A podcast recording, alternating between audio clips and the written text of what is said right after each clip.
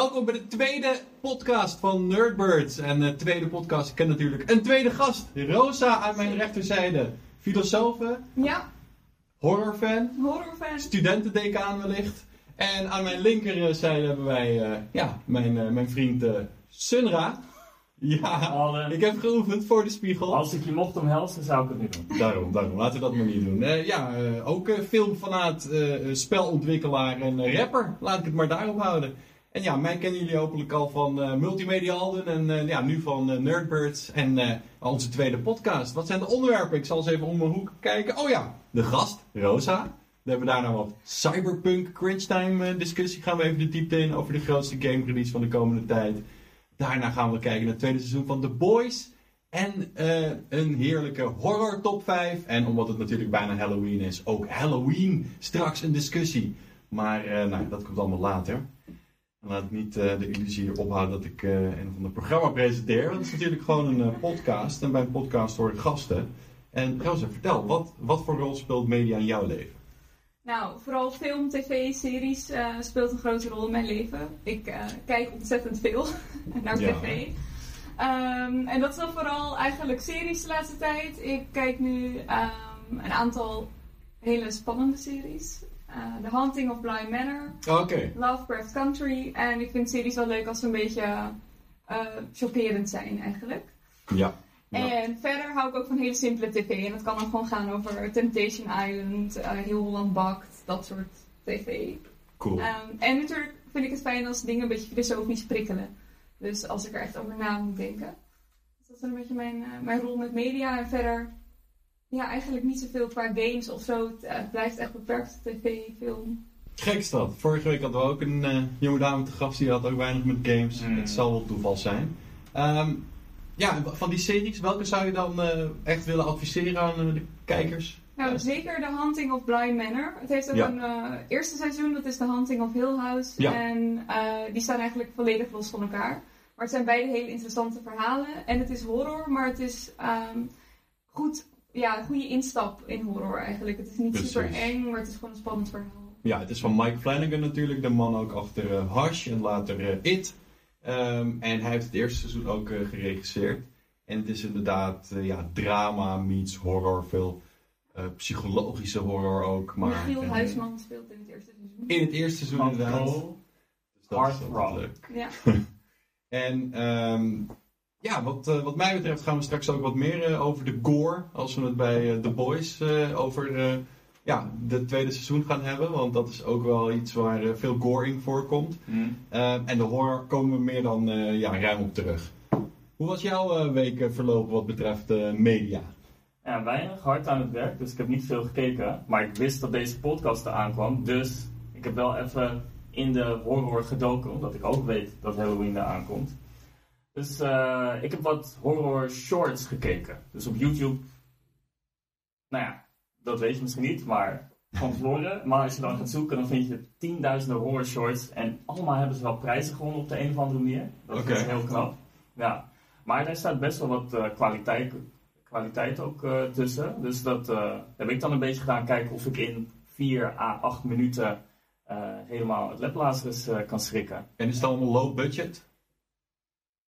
Ehm, wat ik heb gezien zou, ja, gaat van low budget, maar laat zeggen wel aan de bovenkant van low budget. Tot aan dat het best wel professionele eh, stukjes geworden kunnen zijn. Het ziet er niet nep uit. Nee, precies. Nou ja, afhankelijk van wat je ziet, maar al die prijzenwinnaars zijn in ieder geval niet. En het zijn ook, sommige zijn bijvoorbeeld als een soort van demo eigenlijk voor een later uitgebrachte film Ja. geweest. Dus Ja. in die zin, ja, daar, zit, daar kan wel wat budget eh, aan zitten. Heb je Mama ook gezien? Mm, Nee. Nou, dat zou dan mijn advies zijn voor de luisteraars. Eh, Mama, dat is eh, ook een korte film en later werd dat een langere film. Maar ja, die Mm. korte film duurt vijf minuten, maar is echt eh, ja. Ja. heel erg eng. En hoe kort waren die korte films die jij? Nou ja, dus eh, er zit er eentje tussen van anderhalve minuut. Nou, dat is Ah, ja. wel speciaal, weet je wel. Ja. Maar ook acht minuten. En zeg maar, als je kijkt naar alles wat er is, dan heb je ook wel 12, 15 minuten.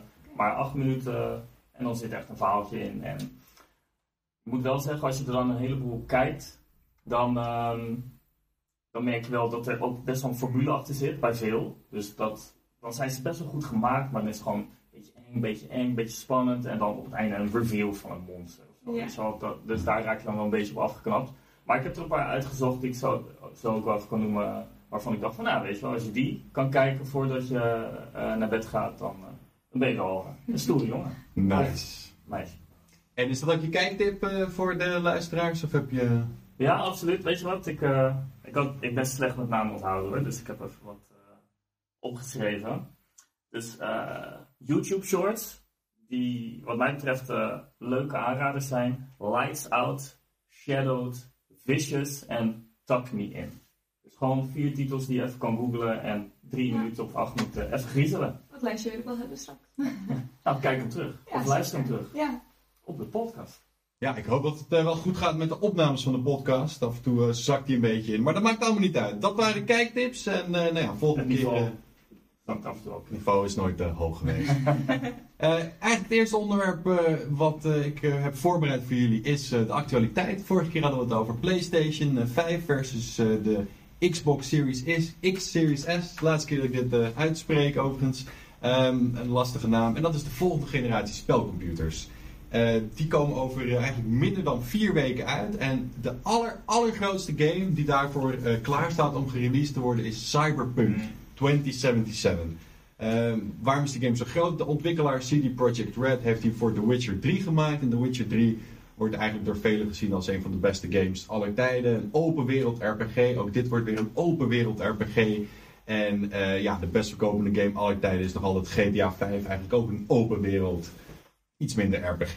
Daarom is het vizier gericht op onze Poolse mannen. Eh, de game is al twee keer uitgesteld. Er werken ongeveer eh, 1100 mensen aan. En het interessante is dat eh, de game dus twee keer is uitgesteld en nu eigenlijk uit moet komen. Dus wat heeft de baas van eh, de game gezegd? Iedereen die eraan werkt moet verplicht aan crunch time meedoen. En crunch time houdt eigenlijk in dat je overwerkt eh, ja, in je eigen tijd omdat iets uit moet komen. Het is een normaal principe in de gamesindustrie. Hm. Eh, werd vaak tegen geageerd. ja, eigenlijk als eerst in 2004 door iemand die, vrouw van iemand die bij IE werkte. Eh, die vond het gewoon heel erg om te zien hoe haar man, eh, ook eh, grotendeels onbetaald in Amerika, dan over moest werken.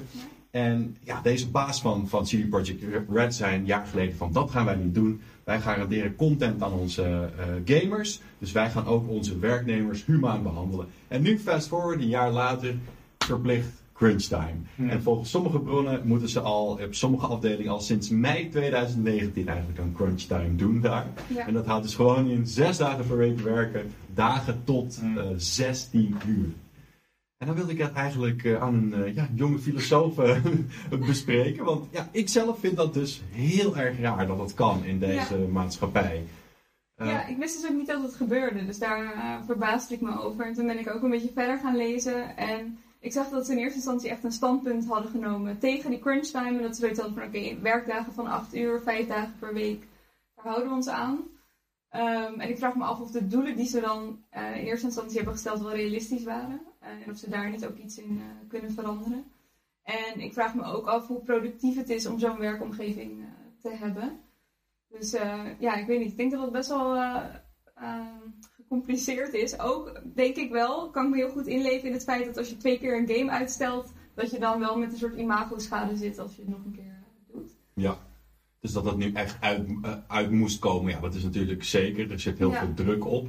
En wat je zegt is inderdaad interessant. eh, ja, heeft het überhaupt zin om zoveel te werken? Want er zijn namelijk verschillende onderzoeken die bijvoorbeeld zeggen dat je ja, niet langer dan 6 uur per dag moet Ja. werken. Sowieso niet langer dan 55 uur per week. Dat is echt het maximum. Daarna ga je eigenlijk alleen je eigen werk fine-tunen. Ben je niet meer productief. Hm. Ehm, en, en het grappige is, de wet voorziet daar ook in. In Polen mag je maximaal 48 uur eh, werken. In Nederland en in de hele EU is dat zelfs 60 uur ja. wat je mag werken. Maar zelfs dan, eh, als je elke dag. Stel je werkt elke dag 12 uur. En dan hebben ze het soms over mensen die 16 uur werken. En dat zes dagen per week.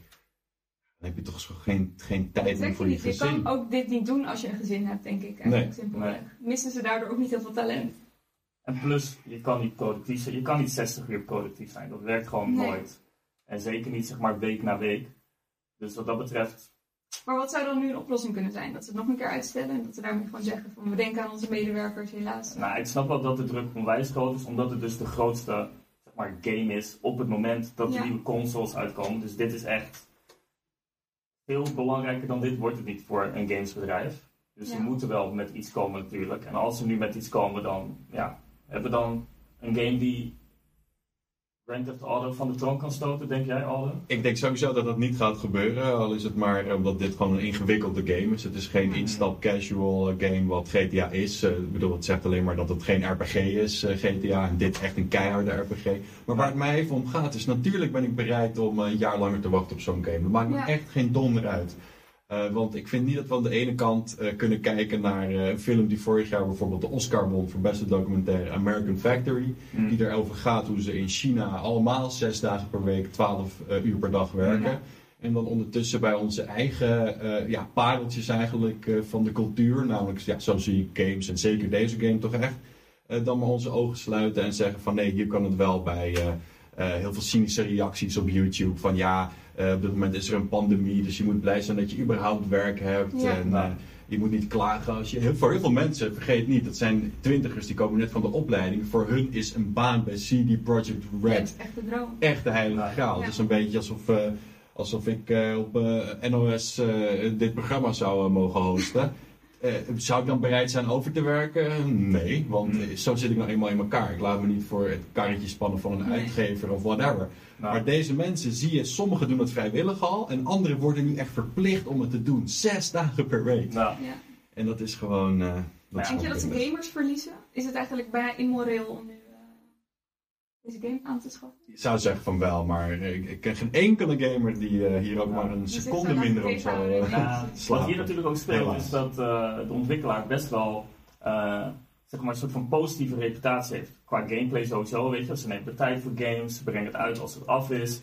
Eh, plus dat ze dus ook qua arbeidsvoorwaarden dan een beetje een soort van dat halo-effect hebben. Van god, dat zal er dan ook redelijk zijn. Zeker met uitspraken van een CEO, toch?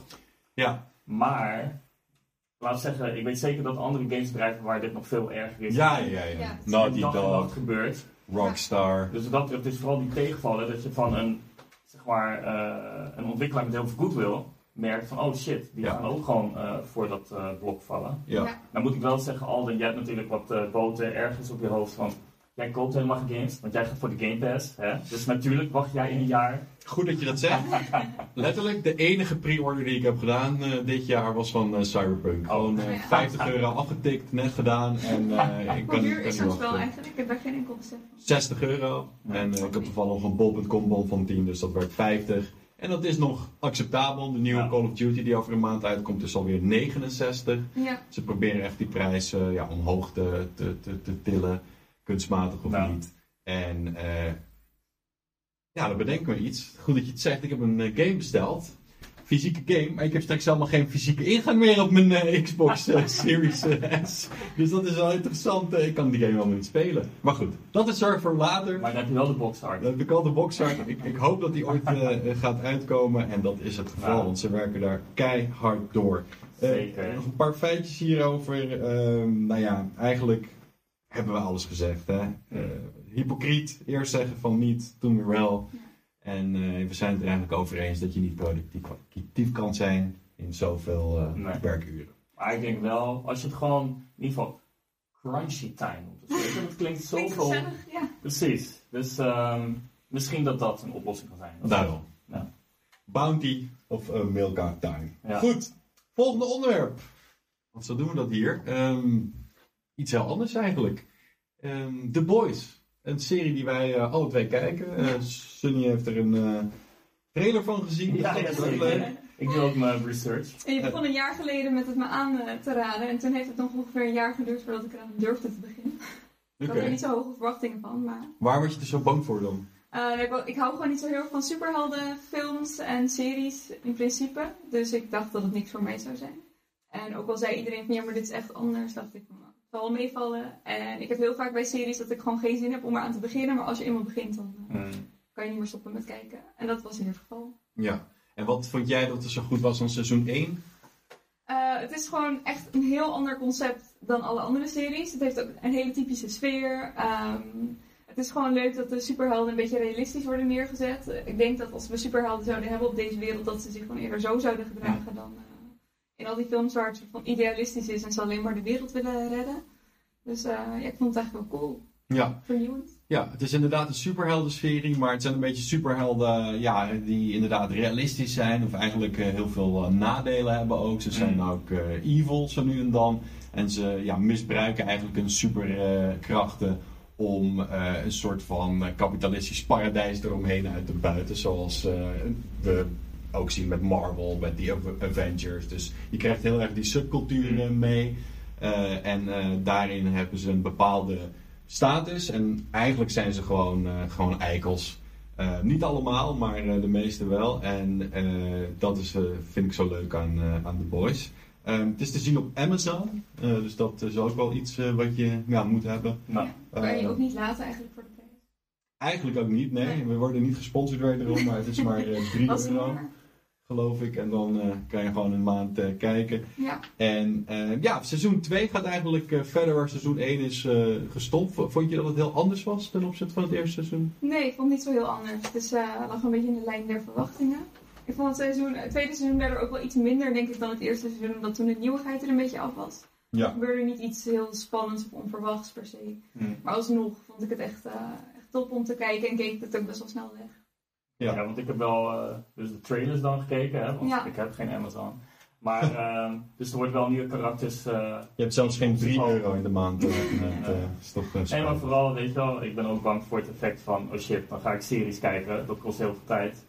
En zeg maar, ja, ik heb ook dingen, zeg maar, eigen projecten waar ik tijd aan wil besteden. Ja. Dus dan weet ik zeker dat dat misschien wel omlaag gaat. Mhm. Maar volgens mij worden er dus wel nieuwe karakters geïntroduceerd die ook best een interessante rol hebben. Of Nou, wordt het alleen zo gebracht in de trailer? nee, nee, nee, er wordt sowieso één eh, interessant karakter eh, geïntroduceerd. Dat is Stormfront. Dat Ja, is eigenlijk een soort eh, ja, Liberty, eh, eh, een chick Bekend met onder meerdere namen. Meerdere namen. Eh, op een gegeven moment komt ook eh, naar voren dat ze ook best wel lang leeft. Zo lang zelfs dat ze het eh, Derde Rijk, spoiler alert, heeft meegemaakt. Ja, Dus we krijgen heel veel van die verwijzingen naar... Ik, Nazi's. ik ga je zo door eh, dit segment, wie weet ga ik kijken. Nee, daarom. Nee, maar om, even over die Stormfront. Ik vond haar erg leuk geacteerd. Ja. Dus aan de ene kant staat zij ook van wat ik goed vind in The Boys. Heel veel leuke acteurs, ook allemaal ja, nieuwe. zeker. Eh Goran Visnic dit jaar. Eh, dat is een Kroatische acteur. We hadden die Giancarlo Esposito van eh, Breaking Bad. En ook van die Star Wars serie, die nieuwe. En dat is ook iemand die nu wederom een bad guy is. En die Mm. man is- heeft eigenlijk eh staan. Hij is die baas van One. Ja, ja, ja. Ehm, eh, maar tegelijkertijd hebben we ook dat het een beetje simplistisch wordt voorgesteld, vind ik. Want bijvoorbeeld zo'n Stormfront, ja, die naam is eh, natuurlijk eh, van, van, van een neonazi forum. Eh, ze heeft een bliksemschicht in haar oor. Ze, ze kan Duits. Ik bedoel, het is wel heel erg voor het Amerikaanse publiek. Denk je dat deze serie Ja, iedereen maar het is ook wel... Het is ook wel een beetje superhelden eigen, toch? Ze hebben allemaal zo'n thema en dat trekken ze altijd helemaal door in hun outfit en zo. Dus ik vind dat er ook wel weer bij passen. En ook wel weer logisch dat zo'n bedrijf als Valt, die mensen zijn natuurlijk gecreëerd. En daar hoort ook zo'n eh, imago bij, wat ze echt volledig moeten uitdragen. Ja. En ik denk juist, je zegt misschien alleen voor het Amerikaanse publiek. Ik denk eigenlijk dat het juist, dat heel veel mensen het gewoon een leuke serie vinden om weg te kijken. Ik moet zeggen, verder is het niet heel boeiend. Ik blijf er niet al lang over nadenken als het, eh, als het uitstaat. Maar het is wel echt goed vermaak. Hm. Ja. En ik denk dat, eh, dat dat voor bijna iedereen wel geldt. Acht afleveringen ook maar, maar wel echt een dikke aflevering. Echt van een Ja. uur. Nou, Heel veel coole muziek ook. Ja, Heel veel grappen, wat ik ook altijd Ja, zeker. leuk vind. En, ik vind Homelander... ja, ik wilde net zeggen, Homelander. Homelander moet je voorstellen, is eigenlijk de leider van The Seven. En The Seven zijn de meest krachtige superhelden. ja. En hij is eigenlijk een soort Trump eh, lookalike. Eh, Ja. Hij heeft hij blondeert zijn haar ook. eh, Heel Amerikaans. echt heel erg Amerikaans. En, ehm, maar hij is echt evil. Dus voor de bühne is hij een eh, goed iemand. En, Nou. Ik weet niet of ik het daar helemaal mee eens ben. ah, ja, want dit is nog wel één vraag als trailer kijker. Ja, tuurlijk. Want ehm, wat, het gevoel dat ik erbij krijg is dat, zeg maar, dat deze mensen echt super overpowered zijn. Dus wat houdt hun in check? Dus bijvoorbeeld zo'n Homelander die volgens mij super krachtig is. Zeg maar, wat, wat houdt hem zeg maar, in Nou, bedwang? Zodat hij niet losgaat en iedereen killt bijvoorbeeld. Ja, nou niks inderdaad. Eh, dit seizoen komen we erachter dat hij een eh, kind heeft. En dat kind eh, is eigenlijk denk ik ook waar Rosa op doelt, eh, van dat ze niet zeker weet of hij slecht is, omdat hij daar toch echt gevoel voor heeft. Ja, dat denk ik. En ik denk dat hij gewoon, dat zie je ook in de serie, dat hij een lastige jeugd heeft gehad. Gewoon het bekende verhaal, zeg maar. Hm. En dat hij misschien een beetje verkeerd begrepen is, dat hij zich zo ontwikkeld heeft. Maar je merkt af en toe dat hij gewoon echt wel een zacht hart heeft. En dat hij eh, Ja. liever anders zou willen zijn. En Ja. hij trekt ook met die Stormfront op en zij halen elkaar eigenlijk omhoog in elkaars slechtheid. Maar je merkt ook dat hij zich op een gegeven moment tegen haar gaat keren. Ehm, in hele kleine dingetjes merk je dat. En daarin denk je toch, nou, hij is niet de slechtste van, eh, van deze serie. Nee, nou ik weet niet of ik het daarmee eens ben. En niet iedereen met een slechte jeugd eh, moet eh, per se mensen vermoorden. Ik bedoel, je kan ook een podcast gaan maken. En wat betreft Stormfront, ja, ze zijn wel goed geacteerd, maar ook wel weer ontzettend overdreven. Ze hebben een Ja. soort van SM-relatie waarbij ze dan keiharde seks hebben bij mensen die ze net hebben vermoord. Helemaal in het bloed. Moet je maar net zin in hebben.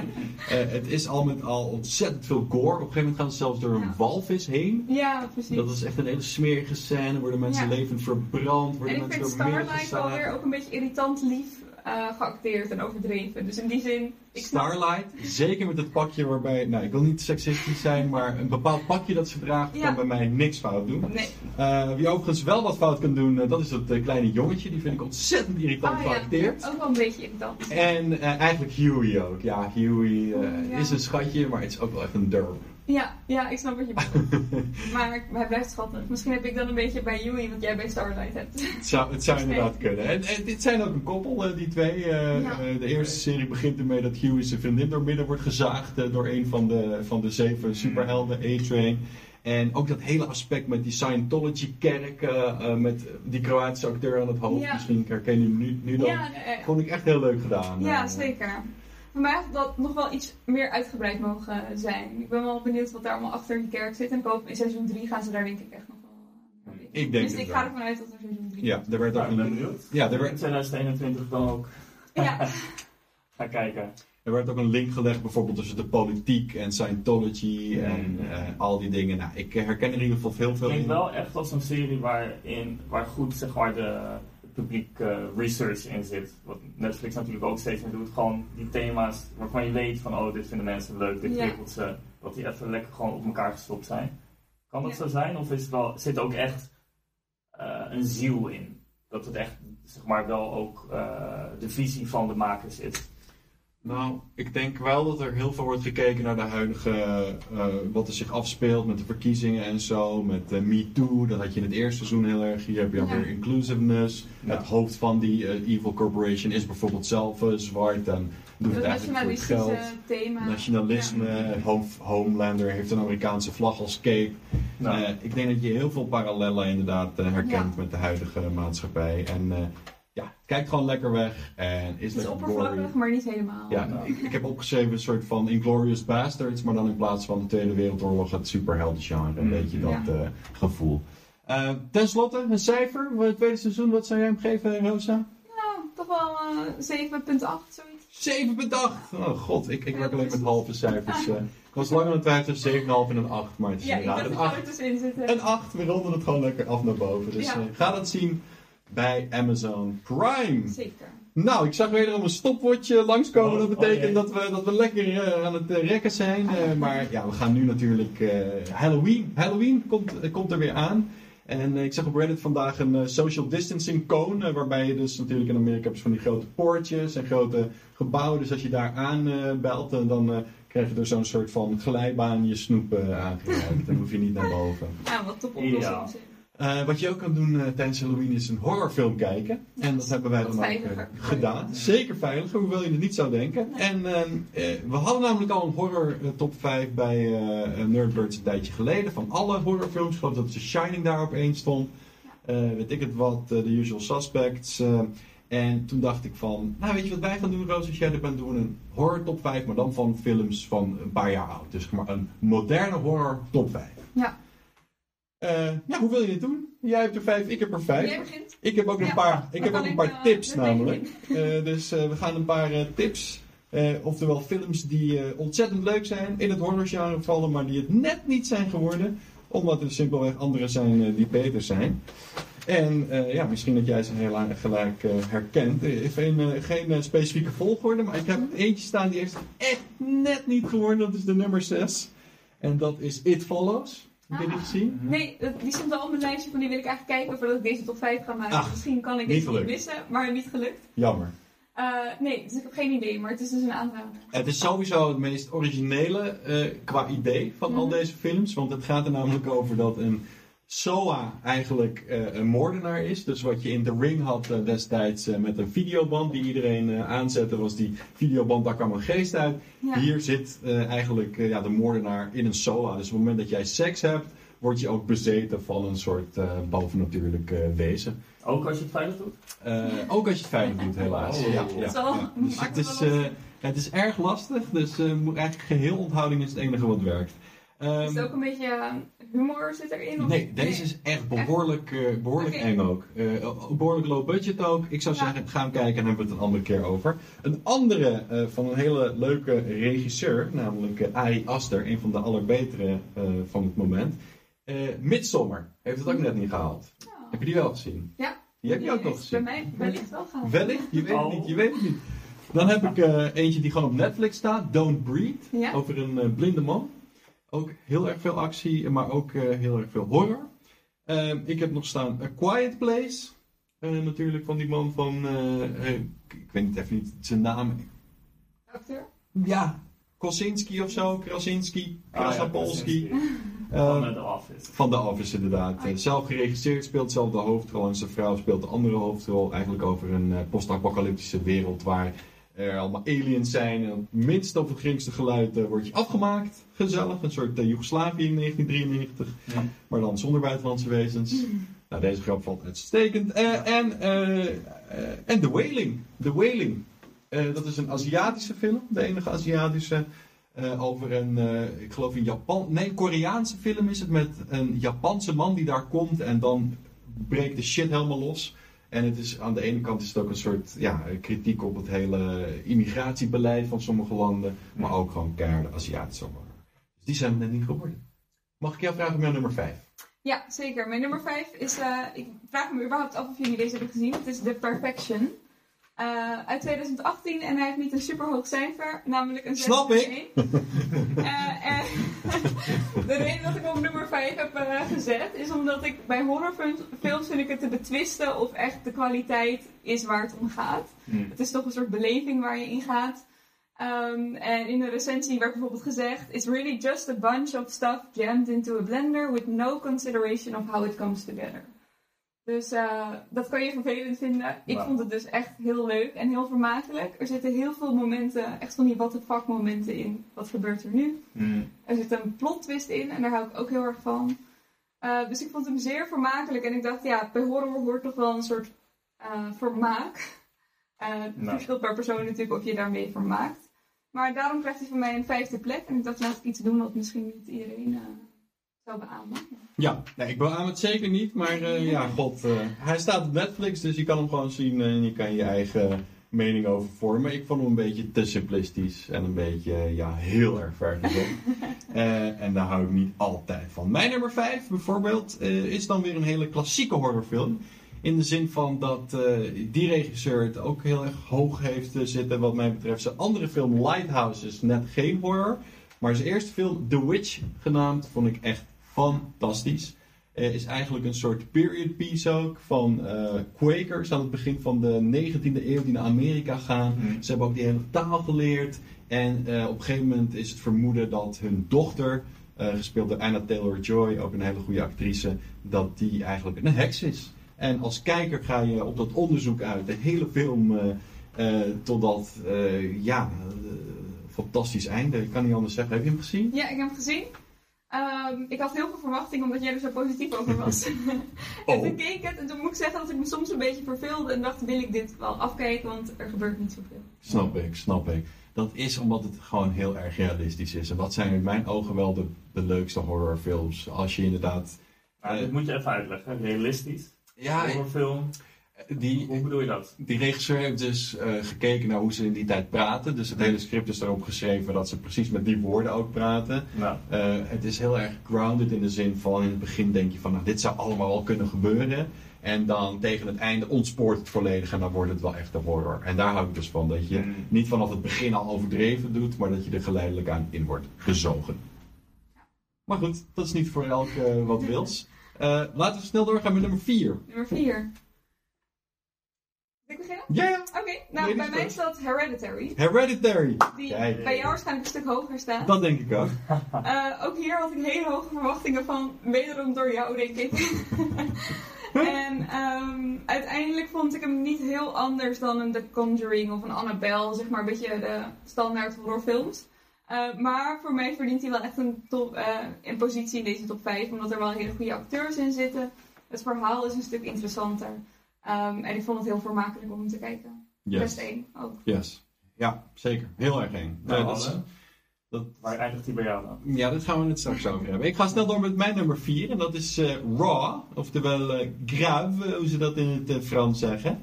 Eh, een Franse horrorfilm, ook de enige Europese op mijn lijst. Eentje over een jonge dame die eigenlijk wil gaan eh, studeren. Of nee, ze is begonnen met haar studie voor dierenarts. En tegelijkertijd ontdekt ze dat ze een eh, erg groot, eh, ja, zeg maar een, eh, een appetite heeft voor mensenvlees.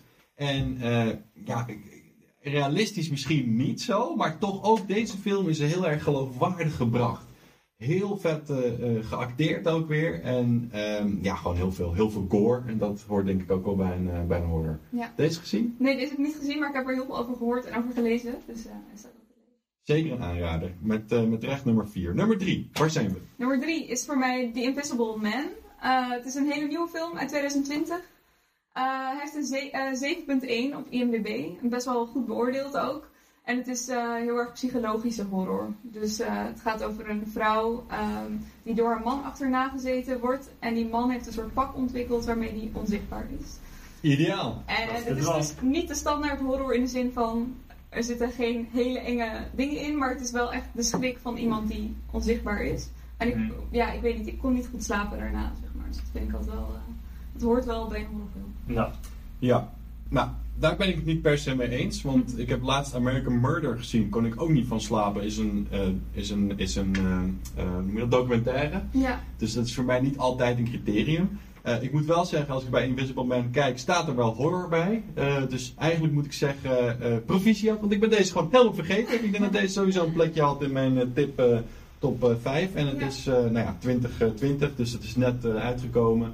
Hele, hele, hele spannende film. Een bekend thema, thema, thema, jezus wat een woord, thema natuurlijk. Eh, Paul Verhoeven heeft hem eh, bijvoorbeeld in de jaren eh 90 nog verfilmd. Met Kevin Bacon geloof ik, maar deze ve- versie is veruit superieur. De regisseur ook heel top, van Upgrade onder meer en Saw. actrice, ik weet niet hoe zij ook weer heet. Ja, ze zit tegenwoordig in heel veel films, maar Ja. zij is eh, goed. Ik, vind haar, ik weet niet of ik haar echt leuk vind, maar Ja, voor ja. horror is ze echt eh, perfect. Elizabeth. Moss, ja, Ja. zij is echt fantastisch. Zat ook in Us, zat ook in allemaal andere dingen, eh, waaronder natuurlijk Handmaid's Tale. Ja, uitstekende film. Ik zou zeggen, ga hem kijken. The Invisible Man. Bij mij staat op 3 Get Out. Had hoger gekund, maar eh, is misschien ook niet een horror in de, in, de, in de specifieke gory zin van het woord.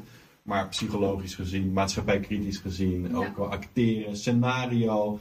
Eh, ja, die, die film kan niet genoeg lof eh, krijgen. En heeft hij ook gekregen, denk ik. Dus laten we er geen woorden meer aan vuil maken. Get Out op 3. Wat staat er bij jou op 2? Bij mij op 2 staat Midsommar. Die ben jij dus net niet de top 5 heeft gehaald. Mm, Oké, goede Eh, smaak, goede smaak. Ja, ik hou heel erg van dat idee van zo'n cult en eh, zo'n vreemde cultuur die dan opeens ontdekt wordt. Net als de Hmm. Wicker Man, die jullie vast ook wel kennen, die een stuk ouder is. Nou, Eh, maar dat sfeertje, dat, eh, dat vind ik echt heel leuk. En op een gegeven moment wordt het gewoon zo raar dat je denkt, waar ben ik aan het kijken? Ja, En eh, dat vind ik wel interessant. ja. Ik heb deze trouwens niet gezien, maar waar, waar ik wel benieuwd naar was, jij had het net over grounded, zeg maar bijvoorbeeld eh, dat een bepaald tijdsbeeld goed neergezet wordt. Was dat hier ook bij? Want het is natuurlijk een beetje een cultje dat eh zijn ding doet. Heb je echt het gevoel van, nou shit, als ik het verkeerde, de verkeerde camping opstap, dan kom ik hier ook terecht? Of, Nou, Ja, maar het is, niet, het is niet een ander tijdsbeeld dan nu. Het is juist eh, Het is dat nu, mensen nu Ja, maar laat zo leven. Ja. het Andere cultuur, cultuur. ja. Het is echt een groepje, een club mensen toch die iets neerzet. zeker. Ja. In Zweden. Het is een Zweedse eh, cultuur. En een vriend van mij is eh, getrouwd geweest met een Zweeds. Heeft er ook Die gewoon. kon alles behamen. Die kon alles ja. Behalve dan. eh, Ik heb soms een wel een beetje zo'n gevoel van ik wil erbij.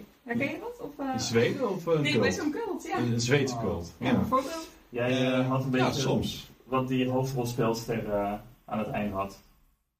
Wat zijn erbij? Zij wilde, eh, sterker nog. Ja. Ze- zij was... eh, Willen. ja, maar ja, oké, het was inderdaad een beetje gedwongen. Maar jongens. eh, gelopen. Topfilm. Maar Willis is er weg. Waarom beginnen wij geen cult? Ja, we kunnen de Nerdbirds. Cult eh, beginnen. Ja. Maar ik ben bang dat we geen van allen echt die innemende persoonlijkheid hebben om, eh, om dat eh, te gaan Hmm. leiden. Ja, we beginnen met de gore en dan kijken we waar we Daarom. eindigen. Nou, Rosa, Ja? ik hoop dat je het levend haalt. Eh, mijn nummer twee, eh, eh, voordat we die vergeten, is... Ja, mij gisteren was hij nog op tv. Ik, ik noemde het net Mike Flanagan. Ik heb het hier over de remake van It. Oh Oh my god. Dat is voor mij echt de blauwdruk van hoe een horrorfilm hoort te zijn. Natuurlijk het prachtige boek van Stephen King. eh, al een keer eerder verfilmd en op alle vlakken nu overtroffen. Die kids natuurlijk. Ik heb het echt over deel 1. Hè. Deel 2 had je een paar jaar, vorig jaar geloof ik. Die vond ik echt stukken minder. Maar, eh, en natuurlijk die clown van, eh, van onze, heet die weer, Peter Skarsgård. Dat is ook een, ook een Zweed. Ik denk dat er een soort Zweedse eh, alliantie is van mensen die mensen dood willen hebben. It. Ja, wat, wat moet ik zeggen? Heb je hem gezien? Ja, ik heb hem gezien. Vond hem ook tof. Ik weet eigenlijk niet zo goed waarom hij niet in deze top 5 staat, maar hij is gewoon niet zo erg blijven hangen. Oh, nou ja. Samen hadden we de ideale top eh, 5. Ja. Nou. Wat staat er op 1? Laat ons niet langer in, in, wachten, in, in spanning Bij wachten. mij staat Get Out op nummer Nou, 1. fantastisch. En wat jij zegt, het is misschien op het randje of het echt een typische horrorfilm is, maar ik vind eh, het maatschappijkritische onderdeel daarin maakt het gewoon echt een interessante film om naar te kijken. Mm. En het is zo creepy, het is zo naar, zeg maar, die, dat gezin dat daar in dat huis woont, het geeft je echt gewoon, eh, je buik krampt ervan samen, zeg maar. Dus ik vond het echt, eh, ik vond het echt wel een goede film. Ja, ja, echt een fantastische film en natuurlijk heel actueel nu. Ja, eh, met alle ja, divisiveness eh, die rassen soms in onze samenleving creëren. Zeker in Amerika. Hier wordt het heel, heel sterk verteld. vanuit de optiek van een, een zwarte jongeman die ja, zijn schoonouders leert kennen. En er eigenlijk achter komt dat ze een soort gekkies zijn. Hè? Ja. En dat herkennen we natuurlijk. Ehm, nee, bij mij op één, we noemden het al. En ja, het is voor mij echt eh, de eh, beste horrorfilm van de afgelopen jaren. Hereditary natuurlijk. En waarom? Ja, ook vanwege de cult. Ik hou ook ontzettend veel van cults.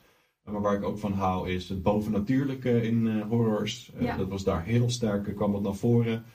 In Midsommar was het eigenlijk alleen cult. En bij Hereditary kwam er nog een stukje bovennatuurlijk bij. En dat vond ik ontzettend eng. En ontzettend goed gespeeld ook. Dat kleine meisje. Dat is en- ook goed. ja, man, man, man. Eh, Ik denk ook eh, dat die rol van, eh, van die vrouw, inderdaad, de Tony Collette van The Sixth Sense, een andere fantastische horrorfilm, ook er echt aan bijdraagt. Mhm. Al met al, als je een horrorfilm wilt zien en je wilt genieten, dan ben ik voor Hereditary. En ik kan eerlijk zeggen dat ik dat geluid, dat ik het nooit meer aan kan. Oké, niet, niet zo goed. Maar ja, met eh, corona zo kan je je vingers nog beter niet in je mond stoppen. Goed, dat was hem dan, de horror top 5. Yes. Diep uitademen en dan gaan we door met het laatste onderwerp. En Oh. dan eh, ja, wil ik dan toch eh, eventjes mijn mond sluiten en Halloween aankondigen. Ja, ja, ja. Nou, het was meer. Ik wist dat jullie heel erg gingen focussen op films en daar de diepte in gingen. En dat is natuurlijk ook waar je horror vaak mee associeert. Maar ik dacht, er zijn ook wat andere manieren om horror tot je te nemen. Nou, jij noemde net al Reddit. En op Reddit heb je twee subreddits. Ken je Reddit trouwens? Ja, zeker. Kennen jullie Reddit? Een soort van forum. Typ het gewoon in op je computer en kijk waar je uitkomt. Maar je hebt twee subreddits die denk ik heel toepasselijk zijn. Eén is R No Sleep. Eh, en dat is eigenlijk eh, dat is een subforum op Reddit waarbij je eh, schrijvers korte horrorverhalen schrijven. Laat ik zeggen van iets van 5 minuten tot misschien 10 minuten leestijd, af en toe een kwartiertje. Dus wel echt kort. En het leuke aan Reddit is, er wordt altijd op gevote, dus je ziet altijd wat boven komt drijven als verhalen die in ieder geval goed gevonden worden. En dan ja, heb jij even 10 minuten niks te doen voordat je naar bed gaat. En wil je toch even griezelen en niet in slaap vallen, dan kan je zo'n verhaaltje erbij pakken. Dat is super tof. En iets anders wat ik tegen was gekomen, dat is ehm, two-sentence horror. Dus hoe kan je in twee zinnen een horrorverhaal neerzetten? Ook Reddit. Ook op Reddit inderdaad. Dus je kan dit gewoon googlen, kom je op dat forum uit en Ja. kan je dat vinden. En daar was ik echt heel erg onder de indruk van wat sommige mensen weten te verzinnen. Nou, noem eens iets. Nou, ik heb er een paar, want het is wel in het Engels natuurlijk, dus ik heb er een paar vertaald naar het Nederlands. Want Ja. Voor de kijkers en luisteraars die geen Engels kunnen, eh, dit wordt niet vertaald, dus eh, succes. Ja, precies. Maar, bijvoorbeeld. Ik heb je zoveel gemist, zei ik, terwijl zij kleding uitdeed om onder de douche te gaan. Haar zo te moeten bezien door een verrekijker deed pijn, maar ik had tenminste haar nieuwe huis gevonden. En dit heb je echt op Reddit of heb je dit in je eigen leven meegemaakt? Hoe, eh, dus dit vind ik op Reddit, maar dit is, zo, dit is uit het leven ja, gegeven, ja, ik snap het wel. Ja. Toch? Dus Wel echt horror. misschien weet je hoe ik hem breng, is het misschien een beetje eh, niet... eh, Je bent te lief. Hij is onze knuffelbeer Ja, precies. Hè? Ja. Maar, ik haat je met heel mijn hart, Alden. Ik ben weggelopen en ik kom nooit meer terug. Stond op het velletje papier. Na een paar pogingen leek het handschrift nu echt op dat van haar. Heb jij mijn dagboek zitten lezen? Precies. Toch? Maar best wel... Maar dit is wel tof. Ja, Ja, dat dit is wel is leuk. cool, ja. Ik hou wel van snelle, makkelijke media, zeg maar. Dus zoals je zei van die korte films, eh, ga ik zeker kijken. Ja. En, eh, en dit lijkt me ook tof om, eh, om te gaan lezen. Ja, ik kan beamen dat zij van kor- korte, snelle media houdt. Want fok.nl is haar startpagina, toch? Oh nee, Du- Dumpert. Dumpert. Dumpert.com. Helemaal niet. Ik distancieer me hiervan. Maar wat het leuk ook is, want soms heb je dus twee zinnen en dan is het eng en dan enger. Soms Ja. is het eng en dan grappig. En dan soms is het eng en dan grappig. Maar als je er dan over nadenkt, is het toch weer eng. Ja, het is wel leuk dat er steeds een soort van clue in die tweede zin zit. Ja. Dit lijkt Dus me- ik heb er nog een paar, ik heb er nog een paar. Ik ben wat vergeten te halen, ik ben zo terug, zei mijn moeder. Terwijl ze om de hoek verdween, buiten zicht, was de cashier bijna klaar met het scannen van de boodschappen. Kennen jullie dat gevoel? Nee? dus je moet je voorstellen, je bent een klein kindje, Ja? Je staat bij de kassa, er wordt afgerekend en je moeder loopt weg. Dus Ja. dan sta je als klein kindje, fuck, Ja, ja, moet ik ja. dat? Ah, inlevingsvermogen van... eh, Van een drie jaar. ja. Oké. Ehm, Oké, deze vond ik wel aardig. Tijdens het avondeten vertelde ze dat ze mijn donkere geheim kende. Terwijl ze de chili con carne at, vermoed ik dat ze blufte. Ik eh, Huh? weet goed wat ik hierbij moet doen. Ik ook niet. Nee? Ik, ik, ik, ik, ik zou bijna neigen om, om, om zelf met allemaal eh, zinnen te gaan komen. Nou, absoluut. Dat is het mooie aan Reddit. Ja, dat Ja. Reddit kan je ook gewoon zelf eh, je dingetje zetten. En dan wordt het wel of niet.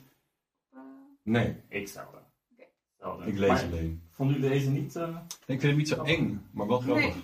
Ja, Ik ik vind vond dat het de bedoeling is, maar ja, het is ook leuk. Ja, ja, ja. Oké, oké. Even kijken. Dan heb ik er nog twee. Eén die voor jou zeker weten heel eng wordt. Alsjeblieft, mama. Laat ons er alsjeblieft in. Haalde ze van buiten het huis. In het huis probeerde een vrouw wanhopig de politie te bereiken. Verbijsterd door de mannen met als maskers de gezichten van haar dode kinderen. Ik vind deze best wel in twee zinnen Ja. een hele scène neerzetten. Ja. Sowieso als iemand over dode kinderen begint, dan eh, ja. Nou, word ik nooit echt blij van. Dus, eh, precies. hmm. Nou, En dan de laatste. Oké. Nerdwords alert. Dit is echt. Zet je schrap, want deze wordt echt eng. Omdat ik wist dat die game een paar uur nodig had om te downloaden, ging ik naar bed. Toen ik de volgende ochtend wakker werd, zag ik pas het venster om de download te bevestigen. Ja, dat is wel echt horror. Dat kan Ja. Sorry jongens, ik, kan er een soort van eh, warning voor deze podcast komen dat mensen niet, zeg maar, echt niet kunnen slapen? Heb ik wel op papier geklikt? Nou, dames en heren, ik vind het in ieder geval hartstikke leuk als jullie hebben gekeken, dat jullie hebben zijn blijven kijken. Ik zou zeggen, doe het duimpje omhoog, duimpje omlaag. Rosa, heel erg bedankt voor je aanwezigheid. En eh Sunny, tot de volgende keer. En ik eh, denk dat wij allemaal eens even lekker achter ons moeten kijken vanavond. Als we in bed liggen. Hè? Onder het bedje. Wat is daar? Wat is dat voor rare hand? Hè? Waarom pakt die hand mijn been? Wat, wat, wat doet die hand daar? Ik weet het niet! Alles onder de dekens houden, dat werkt. Alles onder de dekens houden. Dat werkt. Tot de volgende keer. Dag! Ciao. Doei! Zeg, hou je van games? Hou je van films? Hou je van eh, allemaal de hardware, series, Netflix en zo? Abonneer je dan nu. Nerdbirds.nl